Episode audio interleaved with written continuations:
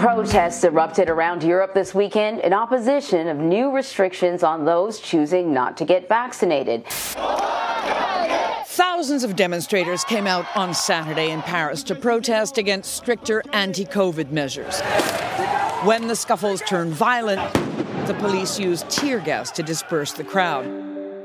Runt om i Europa ser vi nu återigen vaccinationsprotester och demonstrationer mot coronarestriktioner. Vi har sett det bland annat i Frankrike, Tyskland och Storbritannien. Och på flera håll har det varit våldsamt och polis har tagit till vattenkanoner och tårgas mot demonstranterna. Protesterna har bland annat att göra med att flera länder inför vaccinpass som ger vaccinerade personer större rörlighet i samhället gentemot de som inte har vaccinerat sig. Men vilka är det som ligger bakom de här protesterna? Vad är det som de vill åstadkomma? Och hur ser det ut i Sverige? Det pratar vi om i dagens avsnitt av Aftonbladet Daily. Jag heter Liv Elgenklöv. Och med oss idag för att prata om det här är Andreas Önnerfors. Han är professor i idéhistoria och har forskat om konspirationsteorier. Och han får börja med att berätta om varför vi ser de här protesterna just nu. Vi har haft olika vågor som har sammanfallit med olika eh, tidpunkter under eh, under covid-19. Förra året var det stora demonstrationer i augusti också eh, som var koordinerade. Så det är inte heller så att dessa demonstrationer Eh, uppstår spontant i de här olika länderna utan det finns europeiska nätverk och frontfigurer som eh, uppträder överallt och de pratar med varandra. World Freedom eh, Alliance är en av organisationerna till exempel där. Eh, och dels ville man så att säga upprepa det från förra året och sen är det ju så att under sommaren så lättar eh, restriktionerna mer och det blir lättare för folk att sammanstråla och just nu är det mest aktuella orsaken till varför det händer det är för att nu när vaccineringskampanjen har dragit igång är ju den stora frågan för staterna. Hur ska vi göra för att öppna våra samhällen? Ska vi göra en skillnad mellan människor som är vaccinerade och ovaccinerade? Och den här tanken att ovaccinerade människor skulle bli andra klassens medborgare, den har eldat upp anti-corona-motståndet eh, mm, eh, eh, under en lång tid. Men, men har de inte rätt i sin kritik då att det faktiskt blir ett indirekt tvång att vaccinera sig eftersom att ens frihet krymper om man inte gör det? Ja, det kan man kanske säga. Eller så säger man det är moroten. Alltså man kan inte, man kan inte hela tiden tänka att eh, man alltid bara har rätt till någonting. Det är typiskt populistisk tankefigur. Man tänker sig, jag har rätt till det här. Jag har rätt att säga min åsikt till exempel. Det är det absolut bästa exemplet på detta. Men inga rättigheter utan skyldigheter alltså? Jag, jag, tror inte att, att de, de människorna som protesterar på gatorna är, har så pass eh, avancerade tankar bakom sig. Utan jag tror verkligen bara att deras definition av rättigheter är ganska enkel. För att det, det är vad vi har sett i populistiska protester i Europa under de senaste åren och i USA också, framförallt i samband med yttrandefrihetsfrågor. Att det alltid bara finns den ena tankefiguren, vi har rätt till allting. Och jag har rätt till allting och om folket vill någonting då ska det genast genomföras. Men så funkar det inte därför att det, politik inte funkar på det sättet. Eller rättare sagt, eh, samhällen funkar inte på det sättet. Man kan liksom inte skapa direkta kanaler för, i detta för problemen är för komplexa. Det, det, det, är, och en pandemi är ett typexempel på ett komplext problem. Nästa komplexa problem som, som kommer på dagordningen är förstås klimatförändringar. Hur ska vi hantera det? Uh, och där skriver ju så att säga uh, Miljöpartiet hade en artikel idag, uh, någon debattartikel om att nu kommer klimatkrisen, vi måste hantera den som coronakrisen. Ja, där kommer ju nästa, ser vi redan, kommer nästa protestvåg ser jag redan framför mig där folk liksom kommer att protestera mot höjda bensinpriser ännu mer och, och inskränkta friheter eh, eftersom experter är överens om att klimatet förändras och sånt. Så jag tror att oavsett eh, pandemins längd eh, så, så kommer mänskligheten att möta de här problemen som bara belyser att vi måste utveckla en, ett tydligt förhållningssätt vad det gäller att avväga mellan rimliga inskränkningar och inte. Men vad är deras eh, mål då? Vad vill de? Har deras högre syfte och liksom har de något, något e- specifikt ideologiskt mål? Ja, så, ja det, det är en otroligt bra fråga som vi ställer alldeles för lite för att man kan fundera över vad, vilken typ av samhällelig idé som föresvävar de här demonstranterna om nu staten inte ska fatta beslut på grundval av folkhälsovetenskaplig expertis. Vad ska den fatta beslut på då? Eh, när det gäller att skydda sin befolkning. Det är det som är den, den, den springande punkten här eh, med en pandemi som Corona. Och såklart om man då förnekar att det finns en pandemi eller att man säger att eh, dess risker överdrivs totalt, då sågar man ju också den eh, folkhälsovetenskapliga expertisen som ligger till grund för de politiska besluten som har fattats. Och, och, så jag tror att, att vad som föresvävar de här människorna ofta är en stat som kan bortse ifrån expertkunskap eh, och som bara styrs utifrån en princip, nämligen folkets vilja.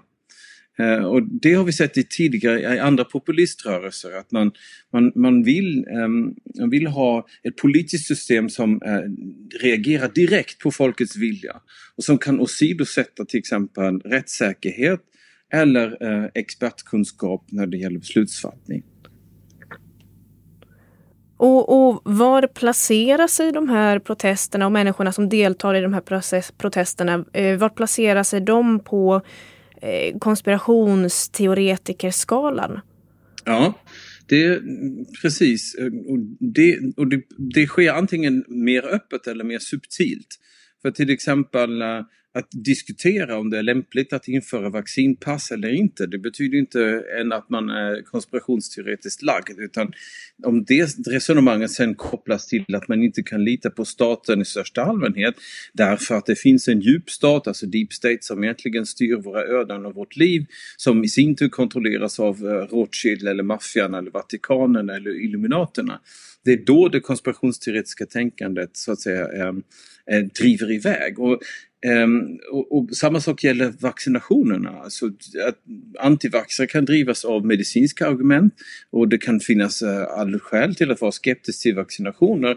Men, men om man till detta kopplar att uh, idén att det egentligen är Big Pharma som ligger bakom som vill bara sko sig på en pandemi som inte är en pandemi och att det är Bill Gates som äger det som egentligen vill implantera mikrochip i oss. Då är man inne i det konspirationsteoretiska tänkandet eh, och har svalt det, det betet helt. Eh, vad kan du säga om vilken effekt det får, de här protesterna som sker? Ja, det är ju en bra fråga. Alltså för, för, för populisterna, eh, alltså om man tänker sig Tyskland till exempel har sedan 2014 um, ehm, plågats av eh, populistiska rörelser, Pegida eh, och sen har det startats ett nytt parti, Alternativ för Deutschland, som kommit in i, i delstatsparlament och i riksdagen. Och det har ställt den politiska eh, kulturen i, i, i Tyskland på ända. Alltså att en populistisk rörelse verkligen växer sig så stark att den kommer in i parlamentet. Um, och det, det kan ju vara en effekt. Som i Frankrike kan det förstås, om populister som Le Pen och eh, Rassemblement, nej vad heter eh, det, det nya partiet heter inte längre Front National utan någonting annat. Um, um, RN tror jag de heter. Eh, där kan det ju förstås leda, på, leda till att om en populistisk ledare kapitaliserar på att säga eh, Macron bedriver diktatorisk politik, att man därigenom kan få en 10-15 procent och så kommer vi ha en president i Frankrike om ett par år som är fascist.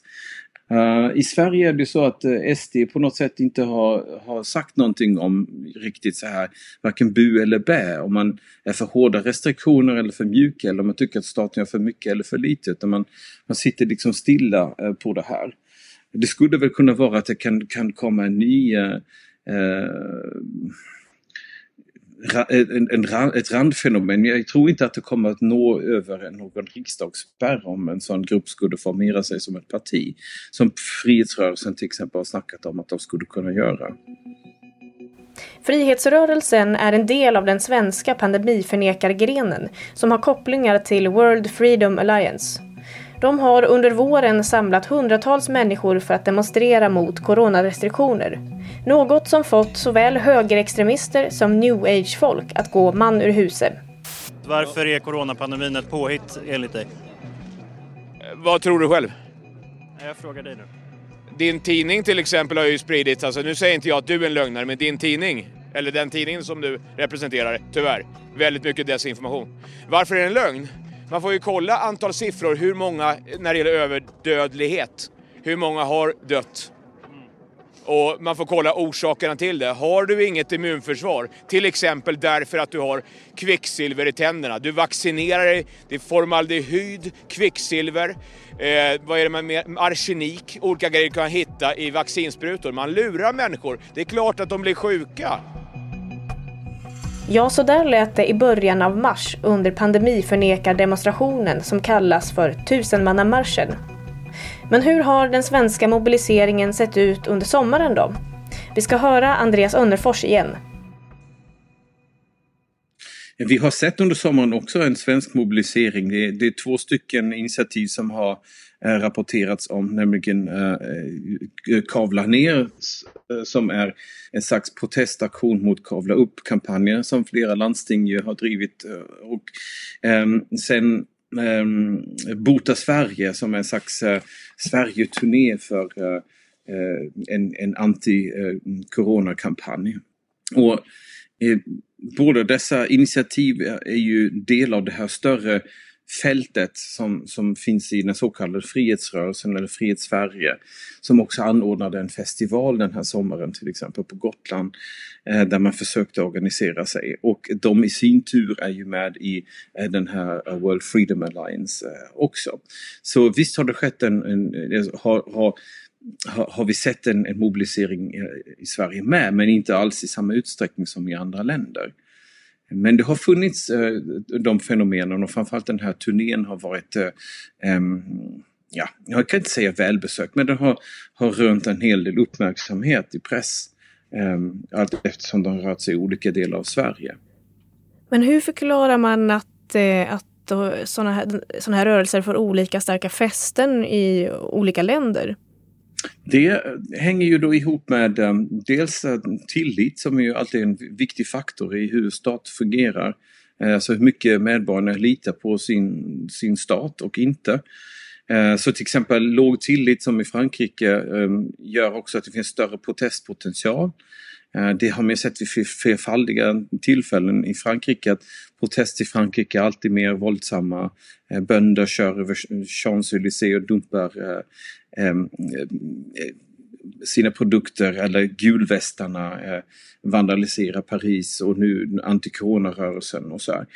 Um, eller så är det helt enkelt så att så som i Tyskland så finns det då en, en, en konstig allians mellan eh, populistisk höger och alternativ eh, gröna, miljömedvetna, eh, new age wellness eh, människor som på något sätt plötsligt dansar hand i hand. Liksom så här.